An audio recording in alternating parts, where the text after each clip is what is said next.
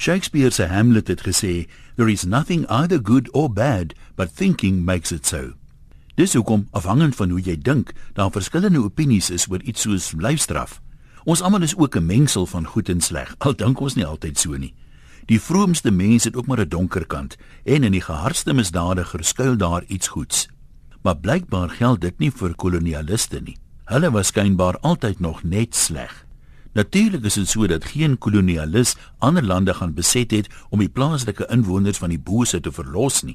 Eie belang en gierigheid het hulle gedryf. Die bekende aanhaling, "The sun never sets over the British Empire," getuig meer van arrogansie as van nederigheid.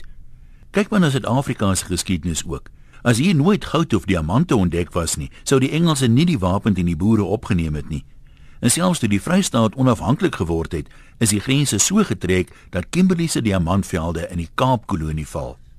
Natuurlik is baie mense uitgebuit en onderdruk, maar Kimberley was die eerste stad wat elektrisiteit gekry het. En dieselfde spoorlyne wat die kolonialiste gebou het om hulle eie belange te bevorder, bring vandag kos vir talle minderbevoorregte Suid-Afrikaners. 'n Snaar so Cecil John Rhodes het homself wel verryk, maar danksy sy nalatenskap studeer nasate van die onderdruktes vandag met sy beurse aan 'n universiteit wat hy tot stand gebring het. Maar kom ons kyk 'n bietjie nader na die ironie. Ons parlement is gebaseer op die Westminster stelsel, waar selfs skurke mekaar honorable member noem en die voertaal is Engels. Ook die meeste mense wat sê kolonialisme kan nooit goed gepraat word nie, sê dit in Engels. Hulle gee dus nie om om die kolonialiste se taal te gebruik nie. En wat van Afrikaanssprekendes?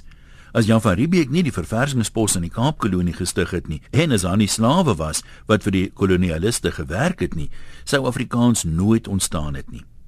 Beteken hierdie eenvoudige feit nou ek verheerlik slawerny? En wat van die Franse hugenote? Dieselfde mense wat Helen Zille nou wil kruisig, drink by elke parlementêre diner spog landgoedwyne wat nie sou bestaan het as hugenote nie 'n wynbedryf in Suid-Afrika gevestig het nie. Weereens, natuurlik het baie mense gelei onder kolonialisme, maar om te sê alles daaromtrent was sleg, klink dan verskriklik eensydig en ironies, veral as jy dit nog doen in 'n kolonialiste taal ook. Dis vandag nie cool om ou NP leiers aan te haal nie, maar dit beteken ook nie jy regverdig daarmee apartheid as jy dit wel doen nie. Vir my klink dit na goeie raad wat Dr. DF Malan destyds gegee het. Neem uit die verlede dit wat goed was en bou die toekoms daarop. Ons almal sal dalk 'n beter toekoms sien as ons die raad volg. Wel vandag sou hom dit dalk gesê het, to tweet or not to tweet, that is the question. Groete van oor tot oor.